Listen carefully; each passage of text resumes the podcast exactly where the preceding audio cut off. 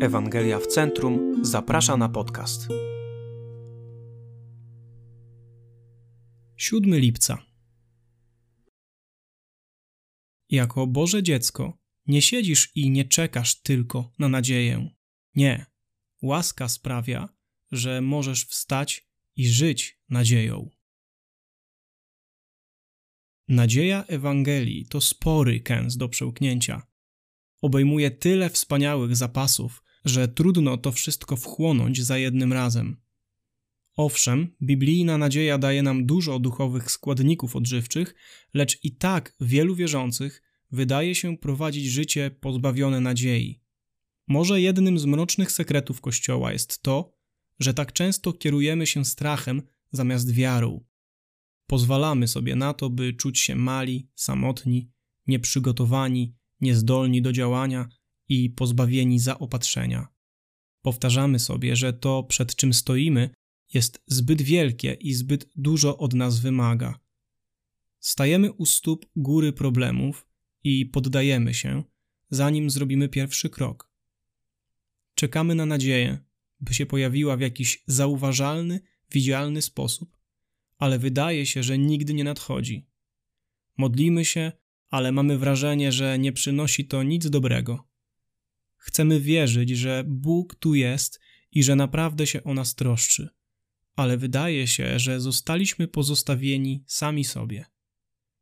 Z każdym dniem wydaje się trudniej zachować nadzieję dla naszego małżeństwa, dzieci, kościoła, przyjaźni lub samej tylko zdolności przetrwania wszystkich trudności związanych z wiarą i zachowaniem zdrowego rozumu. Zastanawiamy się, gdzie można znaleźć nadzieję. Nie rozumiemy tego, że tak naprawdę nie mamy problemu z nadzieją, lecz ze wzrokiem. Ona już tu jest. Co? Gdzie? Możesz zapytać. Nie jest ona rzeczą ani zbiorem okoliczności czy jakichś pomysłów. Nadzieja jest osobą i ma na imię Jezus. On przyszedł na świat, by zmierzyć się z tym, z czym my się mierzymy i pokonać to, co nas obezwładnia, abyśmy mieli nadzieję. Twoje zbawienie oznacza, że jesteś teraz w osobistej relacji z tym, który jest nadzieją. Masz nadzieję, ponieważ On istnieje i jest Twoim zbawicielem. Nie masz z nią problemu, została Ci ona dana. Jest prawdziwa i stała.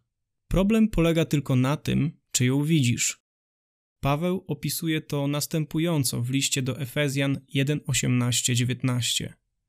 I oświecił oczy serca waszego, abyście wiedzieli, jaka jest nadzieja, do której was powołał i jakie bogactwo chwały jest udziałem świętych w dziedzictwie Jego i jak nadzwyczajna jest wielkość mocy Jego wobec nas, którzy wierzymy dzięki działaniu przemożnej siły Jego. Apostoł modli się, żebyśmy mieli na tyle dobrze funkcjonujący system postrzegania, abyśmy znali i widzieli nadzieję, którą otrzymaliśmy w Chrystusie. Czym jest ta nadzieja? To bogate dziedzictwo łaski, które po swojej śmierci zostawił nam Jezus, byśmy mogli inwestować je w problemy, które mamy tu i teraz. To wielka moc, która jest dla nas dostępna w momentach, kiedy jesteśmy tacy słabi. Nadzieja w osobie Jezusa przyszła i przyniosła ze sobą wielkie bogactwa i moc. Tak więc nie mamy problemu z nadzieją, ale z jej dostrzeganiem, a na to dostaliśmy oświecającą oczy łaskę.